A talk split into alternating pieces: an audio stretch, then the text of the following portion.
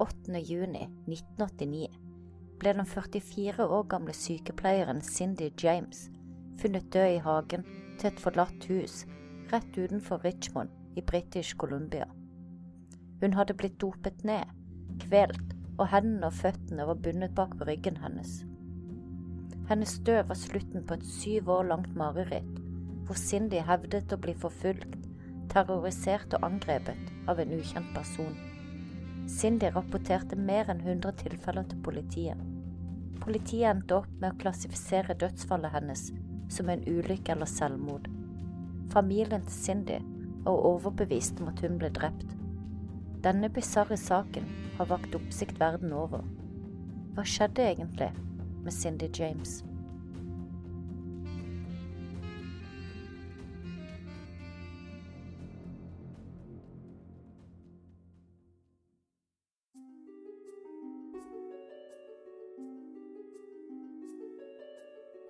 Sett deg godt til rette med noe godt i kroppen, og bli med inn i mystikk og mysteriers verden.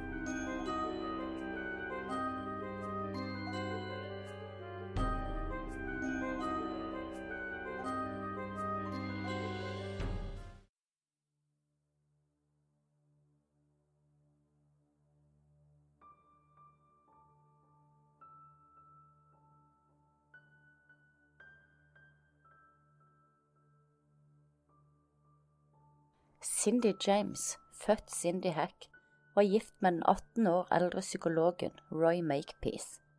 De gifta seg da Cindy var 19 år gammel. De hadde ingen barn i sammen, men Roy hadde to barn fra et tidligere ekteskap. Cindy og Roy ble skilt sommeren 1982, etter 18 års ekteskap. De skilte seg som venner, og Cindy virka glad og fornøyd med å gå videre med livet. Hun forgudet sine foreldre og søster og hadde et nært bånd til dem. Det er ingen som helt vet hvorfor Cindy ønsket å skille seg, men alt tydet på at de fortsatt var venner, og at skilsmissen gikk rolig for seg. Det var fire måneder etter skilsmissen, i oktober 1982, at trakasseringen av Cindy begynte. Det begynte med en serie truende telefonsamtaler som hun mottok fra en fremmed mann.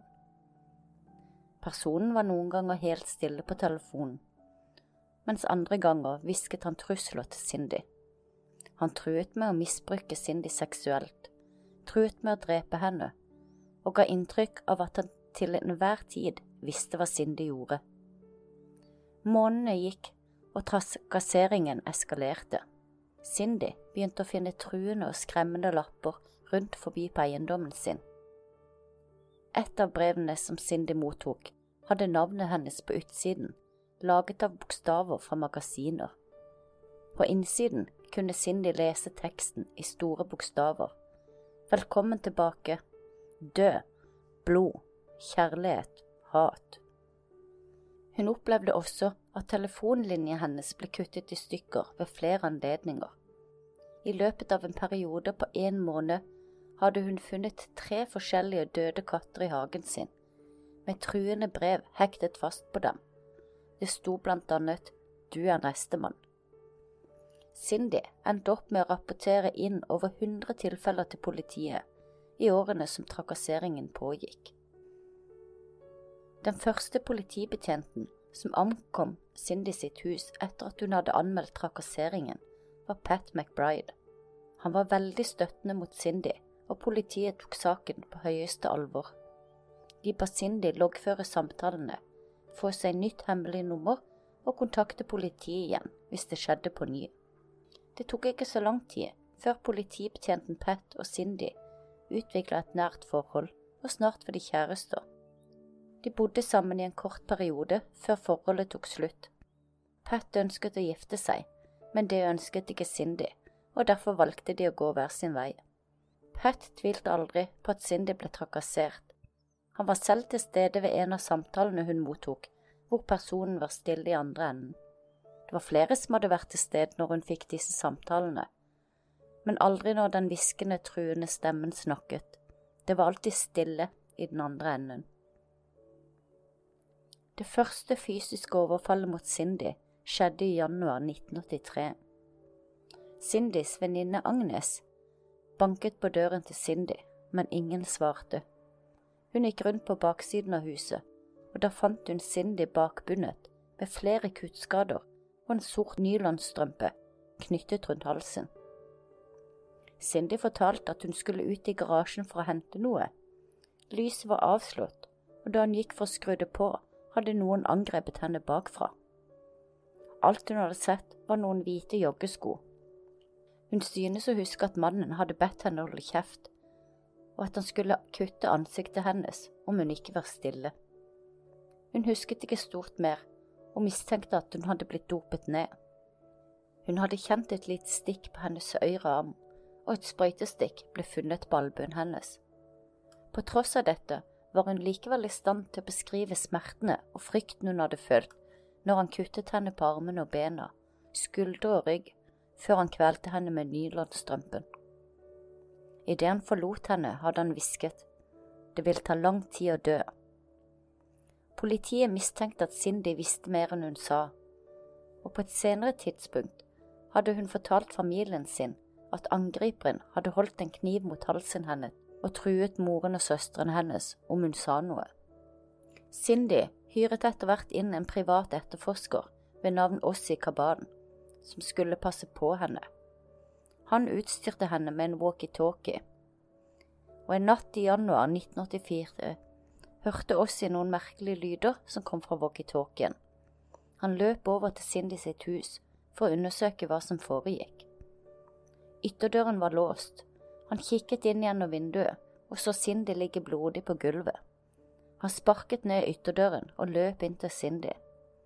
En truende lapp var festet til Cindy sin hånd med en kniv stukket tvers igjennom. Cindy forklarte at hun hadde sett en mann som entret gården hennes, og like etterpå hadde hun blitt slått med et objekt i bakhodet. Likevel kunne man ikke finne noen tegn til innbrudd. Ytterdøren hadde vært låst, og Kaban hadde ikke sett noen i eller rundt huset. Politiet begynte nå å overvåke Cindy sitt hus jevnlig. De kunne overvåke det i alt fra noen dager til uker, men ingenting skjedde. Men så fort politiet avsluttet overvåkningen, ble hun igjen trakassert. Dette skjedde flere ganger, og dette gjorde også at politiet begynte å mistenke at det var Cindy selv som sto bak angrepene på henne. I desember 1985 forsvant Cindy. Hun ble funnet i en grøft en mil fra hjemmet sitt. På den ene foten hadde hun en herresko, og på den ene hånda hadde hun en herrearbeidshanske. Også denne gangen hadde hun en sort nylonstrømpe knyttet fast rundt halsen. Hun hadde kutt og blåmerker over hele kroppen, og hun led av hypotermi. Når hun kom til hektene, kunne ikke Cindy huske hva som hadde skjedd. Etter dette byttet Cindy navn og flyttet til et nytt hus. En kveld hadde hun besøk av venninnen og hennes mann, Agnes og Tom Woodcock. De satt alle i stuen og pratet når Cindy sin husalarm plutselig begynte å ule. De oppdaget at glassvinduet i kjellerdøren hadde blitt tatt ut. Agnes og Tom hadde vært med Cindy hele kvelden, og mens alarmen gikk, så det kunne ikke ha vært Cindy som iscenesatte dette. I april 1986 var Agnes og Tom på overnattingsbesøk hos Cindy. De ble våkna midt på natten etter at Cindy hadde oppdaget at kjelleren sto i full fyr og flamme. Telefonlinjen var kuttet, og Tom løp derfor over til naboen for å ringe til brannvesenet. Idet han løp over til naboen, hadde Tom observert en mann som sto på veien utenfor, og når Tom hadde ropt til mannen for å be om hjelp, hadde mannen snudd seg rundt og løpt av gårde. På tross av disse vitneobservasjonene fortsatte politiet å tro at det var Cindy selv som sto bak. Politiet kunne heller ikke denne gangen finne noe tegn på innbrudd, de fant også uforstyrret støv på karmen på utsiden av vinduet som var borte, og det var heller ingen fingeravtrykk. Etter denne episoden tilbrakte Cindy ti uker på en psykiatrisk institusjon. Her ble hun undersøkt og observert. Psykoterapeuten ville finne ut om Cindy led en personlighetsforstyrrelse. Etter ti uker konkluderte de med at hun ikke led dette, og de var overbevist om at Cindy var oppriktig redd og skremt over det som skjedde med henne. Etter at Cindy slapp ut fra psykiatrien, begynte Cindy å legge skylden på sin eksmann Roy for å stå bak trakasseringen. Like etterpå mottok også Roy en skremmende og anonym melding på telefonsvareren sin.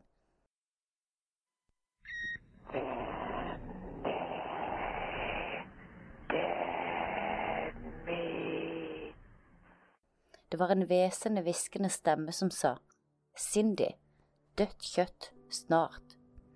Politiet kunne ikke finne noen beviser for at Roy sto bak, og de fikk også Cindy til å ringe Roy mens de lyttet på samtalen, for å se om hun kunne få han til å innrømme det.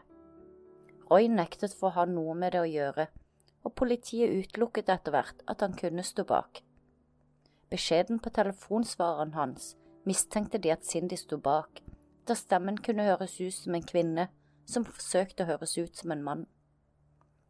26. oktober 1988, to uker etter at Roy hadde mottatt den truende beskjeden på telefonsvareren, ble Cindy funnet bevisstløs i bilen sin, med hender og føtter bakbundet. Hun var naken fra liv og ned, og nok en gang var en sort nylonstrømpe knyttet rundt halsen hennes. Hun hadde ingen minner fra hendelsen. Trakasseringen fortsatte utover våren, og på sykehuset hvor hun arbeidet, hadde en sikkerhetsvakt oppdaget en lapp på bilvinduet hennes med ordene Snart, Cindy. Og samme dag, på slutten av skiftet hennes, ble nok en trussel oppdaget, denne gangen skrevet i støvet på bilens vindskjerm med ordene Sov godt. Den neste måneden gikk innbruddsalarmen hennes fire ganger, den siste gangen var 10. mai 1989. Den 25. mai 1989 forsvinner Cindy nok en gang. Hennes forlatte bil ble funnet på parkeringsplassen utenfor byens kjøpesenter. På bilens førerdør ble det funnet blod, og tingene fra Cindy sin lommebok lå strødd under bilen hennes. To uker senere ble Cindys levninger funnet i hagen til et forlatt hus ca. tre kilometer fra kjøpesenteret. Nok en gang var hun bakbundet, og hun hadde en sort nylonstrømpe knyttet hardt rundt halsen. Dødsårsaken viste seg å være en overdose av morfin og flåsepam. Hun hadde fått i seg en dose som var ti ganger sterkere enn en dødelig dose. Politiet mistenkte at Cindy hadde iscenesatt sin egen forsvinning, og så tatt selvmord for å spise alle medisinene. En knuteekspert hadde demonstrert at man kunne bakbinde seg selv på noen få minutter, og at stoffene Cindy hadde tatt, ikke ville begynne å virke før om 15–20 minutter etter inntak, noe som ville gitt henne tid til å iscenesette åstedet. Men det ble også funnet det som så ut til å være et sprøytestikk på Cindy sin arm, men det ble ikke funnet noen sprøyter i nærheten av henne. Og hvis hun hadde injeksert medisinene rett inn i armen, ville hun ha blitt slått ut i løpet av kort tid. Men familien til Cindy mente det var helt umulig at Cindy kunne ha ligget der hun ble funnet i to uker uten at noen så henne. Det var rett ved en trafikkert vei, og sannsynligheten for at ingen hadde sett henne, tidligere enn to uker var veldig, veldig liten. En entomolog ble kalt inn, og hans undersøkelser konkluderte med at Cindy sin kropp hadde ligget på stedet hun ble funnet siden 2. juni, altså en uke etter at hun forsvant. En tre måneder lang rettssak med over 80 vitner ble holdt for å prøve å stadfeste årsaken til Cindy sin død. Det endte med at juryen ikke klarte å komme til en konklusjon, og Cindy sin dødsårsak ble satt til å være en ukjent hendelse. Det er ingen tvil om at Cindy ble trakassert, og man kunne se det tydelig på henne de siste årene hun levde. Hun ble tynnere og tynnere, og snart var hun bare en skygge av den kvinnen hun en gang var. Og hvis hun ikke plaget seg selv, må det ha vært fryktelig skremmende å oppleve alt dette, for så å ikke bli tatt, bli tatt på alvor av politiet for politiet var overbevist om at Cindy selv sto bak. Det var veldig rart at over så mange år, og så mange episoder hadde politiet aldri klart å finne ett eneste bevis som pekte mot en fremmed. Det skjedde aldri noe når politiet overvåket huset hennes, mens angrepene startet så fort overvåkningen ble avsluttet. Man kan jo spørre seg hvorfor politiet ikke overvåket huset hennes i hemmelighet om de mistenkte at hun sto bak. Da ville man kanskje fått et svar. Politiet fant det også merkelig at Cindy gikk ut med hunden sin sent på kvelden etter alt som hadde skjedd. Men var det egentlig så rart at hun gikk tur med hunden om kvelden? Hun elsket hunden overalt og var det eneste hun tok med seg ut av ekteskapet. Og alle som har hund, vet at de trenger en kveldstur. Kanskje prøvde hun å trosse frykten og leve så normalt som mulig. Kanskje følte hun seg tryggere ute enn i sitt eget hjem. Politiet hadde også inntrykk av at Cindy holdt igjen informasjon for dem, og mente det var fordi hun løy om angrepene. Cindy arbeidet også på sykehus og kunne enkelt få tilgang til medisinene som hun døde av. Politiet mistenkte selvmord, mens andre, som tror Cindy selv sto bak, mistenker at det var en ulykke. At hun tok for mye ved et uhell, og dermed døde under et iscenesatt angrep. Andre har en teori om at hennes eksmann var den som sto bak. Han arbeidet i psykiatrien, og noen mistenker at han brukte Cindy som forsøkskanin. Cindy hadde selv sagt til venner og familie at hun følte at vedkommende forsøkte å skremme henne til døde. Roy, som var 18 år eldre enn Cindy, og det var hun som hadde ønsket skilsmisse. Kanskje var dette Roy sin måte å få hevn på? Politiet gjorde dog grundige undersøkelser, og ingenting tydet på at Roy sto bak. Han hadde dessuten alibi stort sett alle gangene Cindy ble utsatt for et angrep. Men kunne Roy ha leid inn noen andre til å trakassere henne? Og ville de ha klart å angripe og true henne så mange ganger og aldri etterlatt et eneste spor? Politiet spurte Roy om å ta en løgndetektortest, noe han gikk med på men testen ble stanset av legen som var til stede, da det viste seg at Roy brukte hjertemedisiner som kunne påvirke resultatene, og testen ble derfor aldri gjennomført. Politiet hadde også fått Cindy til å ta en løgndetektortest. Hun tok testen to ganger, og begge gangene feilet hun. Han som utførte testen, påpekte derimot at alt stresset Cindy led under, kunne ha påvirket resultatet. Roy Makepeace ble en stund etter Cindy sin død dømt for å ha seksuelt overfalt to kvinner, men politiet mener likevel at Roy ikke hadde noe med Cindy sin trakassering eller død å gjøre, og er ikke lenger ansett som en mistenkt. En annen teori er at hennes kjæreste, politimannen Pat, sto bak. Han var politimannen som dukket opp første gang hun rapporterte inn hendelsen, og som hun hadde innledet et forhold til kort tid etter. Som politimann ville han ha visst når huset hennes ble overvåket, og ha kunnskap om hvordan man ikke etterlater spor. Men hvilket motiv skulle Pat ha? Han virket oppriktig forelsket i Cindy, og han var en av få som trodde på Cindy, og som var overbevist om at noen andre sto bak, da han selv hadde vært til stede når hun mottok en av telefonsamtalene hvor det var stille i andre enden. Men Pat sa likevel at han følte at Cindy ikke fortalte alt, men at hun, at hun holdt tilbake viktig informasjon som kunne oppklare saken. Pat var aldri mistenkt i saken. Men hvis ingen andre sto bak angrepene, så måtte det være Cindy selv. Men ingenting pekte mot at Cindy led av noen mentale sykdommer flere personligheter, dysosiativ personlighet og Munchhausen var noen av diagnosene man mistenkte, men alle hadde blitt utelukket av psykiatrien etter hennes ti uker opphold på sykehuset. Og hennes tidligere lege og psykolog hadde aldri sett noen tegn til at hun skulle lide av noen av disse. Det er også slik at personer som har disse mentale lidelsene, ikke kan kontrollere dem selv og på alle disse årene var det ingen som noen gang hadde sett noen antydning til flere personligheter eller andre mentale lidelser hos Cindy. Ikke annet enn det hun slet med etter at trakasseringen begynte. Og hvis Cindy gjorde dette selv, hvordan hadde hun da klart å ikke bli oppdaget på alle disse årene? Nesten syv år med trakasseringer, overfall og terrorisering. Hvor mye tid og ressurser måtte ikke dette kreve for å feike en trakassering på dette nivået? Og hva med alle skadene hun ble påført? Kniven gjennom hånda, strømpen rundt halsen, blåmerkene, kuttene, og ikke minst det å bakbinde seg selv. Hva kan få noen til å skade seg selv på dette viset? Og hva var motivet hennes?